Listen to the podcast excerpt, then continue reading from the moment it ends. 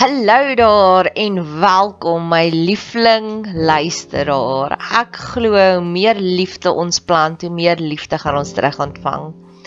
Ek het nou onlangs op so aaklige, maar dit was eintlik 'n baie goeie, maar dis 'n baie donker misdaad spotgooi kanaal. Ha, kan ek 5 punte kry vir daai suiwer Afrikaans? Het sy haar haar inleiding van haar potgoeie begin met Hello my loveliest little darlings. Ag, is dit nie die mooiste manier nie? Ek meen ek het daarna gaan luister net om daai liefde in haar stem te hoor. En ek glo ook God is die God van ons weet God is liefde. En ek dink ook as hy met ons praat sal hy ook sê, "Hallo my liefling" of "Hallo my skat." En ek wil daai selfde liefde uitstraal na jou toe. So hallo en welkom hier. So en baie dankie dat jy jou kosbare tyd hier by my investeer. Ek waardeer dit terdee. Maak asseblief kontak met ons as jy wil. Facebook gaan soek ons op Bet 7, dieselfde as hierdie kanaal se naampie of op Instagram kan jy ons ook gaan soek. Of jy's welkom as jy hier 'n kommentaar kan lewer, is jy ook welkom. Hierdie jaar 2022 is daar 'n hele paar nuwe projekte wat ek afloods, wat ek afskop soos naas Botha 'n brappiebal afgeskop het. Ek wil begin met motiveringstoesprake, toe toesprake, praatjies. So, as jy in die Pretoria omgewing is vir die eerste 6 maande gaan ek dit gratis aanbied. As jy buitekant Pretoria omgewing is, sal ons net vra dat jy dalk vir my en my assistent net die ou petrolgeldjies betaal en as jy relatief ver is, dalk 'n slaapplekkie vir die aand. En dit gaan alles oor hoe om die blydskap te vind. So maak kontak met my. Dalk is dit vir jou en vir vyf vriendinne van jou. Dalk is dit vir jou volgende verjaarsdag wat jy iets bietjie diepers wil deel met jou vriendinne. Dalk moet jy 'n vroue oggendreël. Dalk is jy betrokke by 'n skool. Dit dit is ook baie geskik vir skoolkinders hier van graad 7 opwaarts. En dan gaan ek ook die einde Januarie my heel eerste boekie uitbring. Dis 'n 22 bladsy boekie. Dis dun, dis nie baie leeswerk, dis baie fotos, dis vol kleur en hy sal maksimum R100 wees. So as jy belangstel en hy's in Engels om een van hierdie twee produkte om my te kry as 'n spreker of om 'n boekie te koop vir jouself of 'n vriendin of 'n sussie, maak asseblief kontak. Geniet die pot gooi.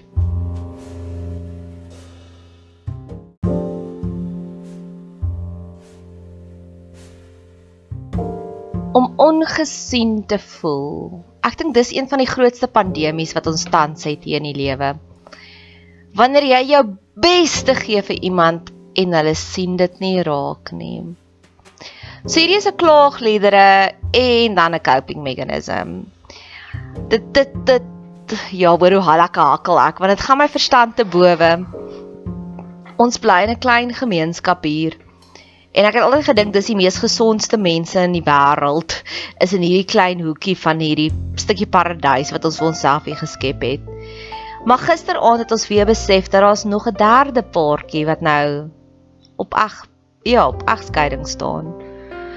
En dis almal is wonderlike vrouens. Die een is beter as die ander een. Letterlik soos die eerste een was dit so skok oor, die tweede een was soos wat? Nou alles wat hulle deur is en die derde een is soos wat wat wat? Wanneer die mans nie die vrouens raak sien in hulle lewens nie. Ek sukkel self daarmee. Ek voel my pa sien my nie raak nie. Hy vergelyk my heel gereeld met met my skoonsussie en ek voel ek is soos glad nie so sy nie. Maar ek het coping mechanisms daarmee wat ek graag met jou wil deel. Oprah Winfrey sê altyd almal is net op soek om te weet do you see me? Do you hear me? Does what I say or do matter? En ek het gister met een van my werkskollegas gepraat en sy het ook vir my gesê sy voel ons werkgewers sien haar nie raak nie en sy het sommer begin huil. En ek het soveel empatie met beide partye want ek so lief vir my werkgewer. Hy is so awesome mens. Hy werk self deur sy eie storm. Sy ma is staan, ja, sy ma is op palliative care, hospice care. En dit is maar groot skok vir hom. Maar ek verstaan ook haar en dat sy word nie raak gesien nie. En toe ek haar trane hoor, het iets in my diep aangeraak, maar sy is een van die tipe mense ek kan praat met haar totdat ek blou is in my gesig. Dit voel net vir my dat niks van my coaching en so aan sink in in haar hartjie nie. Toe ons kinders was, het my ouers nog geglo in lyfstraf. So die lyfstraf meganismes of die lyfstraf tool se naam was moeg gepraat.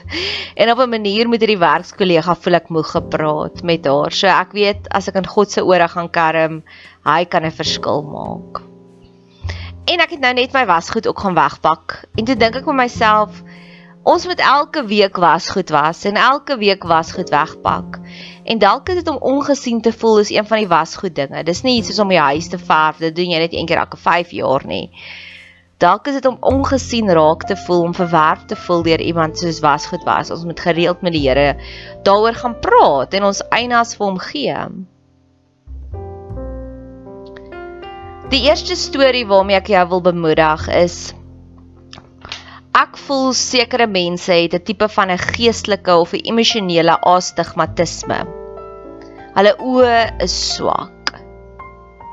So die verwerping is nie 'n refleksie van jou nie, die verwerping is 'n refleksie van hulle swak oë. Ek het astigmatisme al van 'n baie jong ouderdom af. En ek kan onthou die ek was in standaard 3 of graad 5 toe ek heel eerste keer my bril gekry het. En ek was nog altyd 'n bubble gouse. En my ma het my gaan optel, ek het my bril gekry en ek het met die bril huis toe gery. En 3 kwart huis sê sy vir my Nadia, wat is fout? Hoekom is jy so stil? En ek sê vir haar, "Mamma, ek sien die straatname. Ek het altyd gedoog mamma is so slim want ma geweet het waar's elke liewe straat. Ek kan nog onthou die een straat se naam was King Street waar die skool was. Ek sê vir die eerste keer sien ek die straatname. En ek kan onthou later het ons ook my beide my ouers hou baie van shows. So ons was geseënd. Ek het in welkom groot geword. En die klein mynersdorpie het 'n pragtige teater gehad, die Oppenheimer teater. En ons het seker een keer 'n maand na 'n show gaan kyk. En vir die eerste keer kon ek die mense sien en ek kon hulle gremering sien. Ek het nie net die fuzzy buitelyne gesien van mense wat ronddans op 'n verhoog nie. En ek dink baie mense sien net die fuzzy buitelyne. Hulle sien nie ons gremering nie. Hulle sien nie die dinge raak wat ons ekstra doen nie.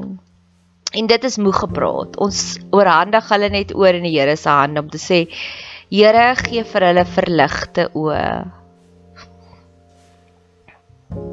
Ek glo as jy na hierdie pot gooi luister, is dit omdat jy voel ongesiens. Jy voel nie raak gesien nie. Ek het nou 'n boek review gelees van Kathy Pork Young Hong. Sy's 'n Asiër wat in Amerika woon en sy het hierdie boek geskryf oor al die klein gevoelens, die klein emosies van rasisme wat sy daagliks beleef omdat sy 'n Asiër is.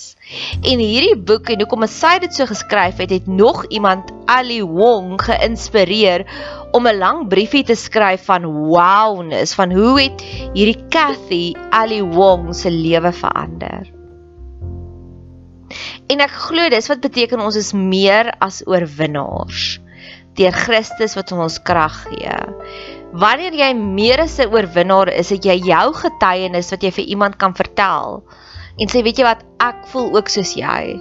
Soos ek met my werkskollega kan connect om te sê ek voel ook soos jy. So ook kan jy ook met jou ongesiensheid. En dan kan ons 'n boek skryf en geld maak daaroor, né? Nee? En soos ek beloof het, ek wil graag jou lewe verryk met 'n coping mechanism. Wat ek keer op keer sal doen met my pa. Wanneer ek voel hy sien my nie raak nie, sal ek gaan vir 'n tweede opinie. Ek sal vir iemand anders iets vertel en kyk hoe reageer hulle. Tweede opinies is die beste manier hoe jy genesing kan kry. Wanneer iemand vir jou kritiek gegee het op iets, gaan vir 'n tweede opinie. Ek is nou besig om my roadshow te beplan en ek het gister met my drama juffrou gesit en sy het baie van die konsepte het sy nie verstaan nie. So ek het besluit, goed, sy's goed met drama, sy's goed om dit om dit vir my lewendig te maak, maar sy's nie goed met content management nie. En ek het een storieetjie vertel vir twee vriendinne en hulle almal het gesê, "Ja, ons verstaan wat jy sê." Ek het dit ontdek einde verlede jaar en ek wens ek het dit al vroeër geweet in my lewe om 'n tweede opinie te kry oor my pa. Een van die ander dinge wat ek in 2022 wil doen en ek sit actually so with bated breath met ryk halsende verwagtinge en hou my foon dop ek gaan my eerste boek uitgee hierdie jaar. So ek wag vir die drukkers om te laat weet kom tel hom op letterlik. Hulle het gesê vandag. En toe ek die aankondiging maak op WhatsApp, ek het eers vir my pa 'n persoonlike boodskap daar gestuur en hy het niks gereageer daarop nie. Toe ek dit op ons familiegroepie gesit, julle ek gaan 'n boek uitgee, ek so opgewonde. En dit was die sound of crickets. Krik krik nee jok. My pa het gestuur mooi thumbs up. Nou, weet jy wat om 'n boek uit te gee is baie meer as 'n mooi werd. En ek het hierdie selfde boodskapie van julle wees bly vir my uitgestuur na my DMW familie toe. En ek het ver oggend weer afgekom op die ek het dit toe nou gaan screenshots elke een se antwoord want dit was vir my so kosbaar. Dit was die hele dag het almal my net aangecheer. So wanneer jy ook ongesiens raak voel, vat jou storie en gaan kry 'n tweede opinie. Dis my coping mechanism. Die potgooi is nou kort, dalk is dit omdat ek is voel dis nou naweek, so ek gaan sommer my volgende een ook hierso doen. So hierdie een se naam gaan wees om ongesien te wees en die makliker lewe.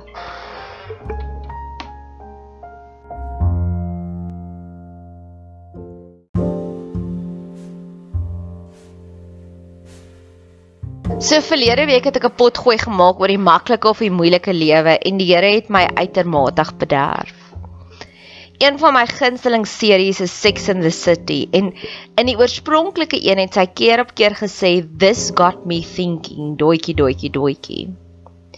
Maar die nuwe een se motto is and just like that. Minder dink Here en ek wil meer hê and just like that. Ek het profetiese aksies gedoen in hierdie week om my lewe makliker te maak. En ek het nou net gepraat van my kollega en sy is een van die redes wat vir my makliker was hierdie week. Sy het makliker haar hart vir my oopgemaak waar sy gewoonlik 'n trauma sou geïnternaliseer het. So ek's dankbaar daarvoor. My TikTok video's was so maklik en ek's dankbaar daarvoor. Weereens, die dinge waarvoor ons dankbaar is, dis die dinge wat sal groei. Ek dink ons almal is eintlik maar op soek na 'n maklike lewe. Nê? Nee? Makliker lewens. En dit het my laat dink aan Pink se liedjie van Cover Me in Sunshine. Maar wat gebeur wanneer iets in Cover Me in Sunshine is? Ons het nou weer load shedding. So ek het my klere gaan ophang buitekant in die son. Die ander alternatief is om dit hier binne my huis te probeer eh, droog maak. Dit gaan vir ure vat. In die son is dit maklik. Ek wil nog iets vir die Here gaan neerlê om te sê ek is 'n creature of habit. So ek sukkel so bietjie met aanpasbaarheid. Ek het nou-nou weer 'n boodskap gekry dat maandagooggend gaan die N1 toe wees oor die sinkgat. So ek wil nou al klaar uitwerk wat se ander pad gaan ek werk toe ry en ek wil graag hê die Here moet my daarmee ook help met aanpasbaarheid.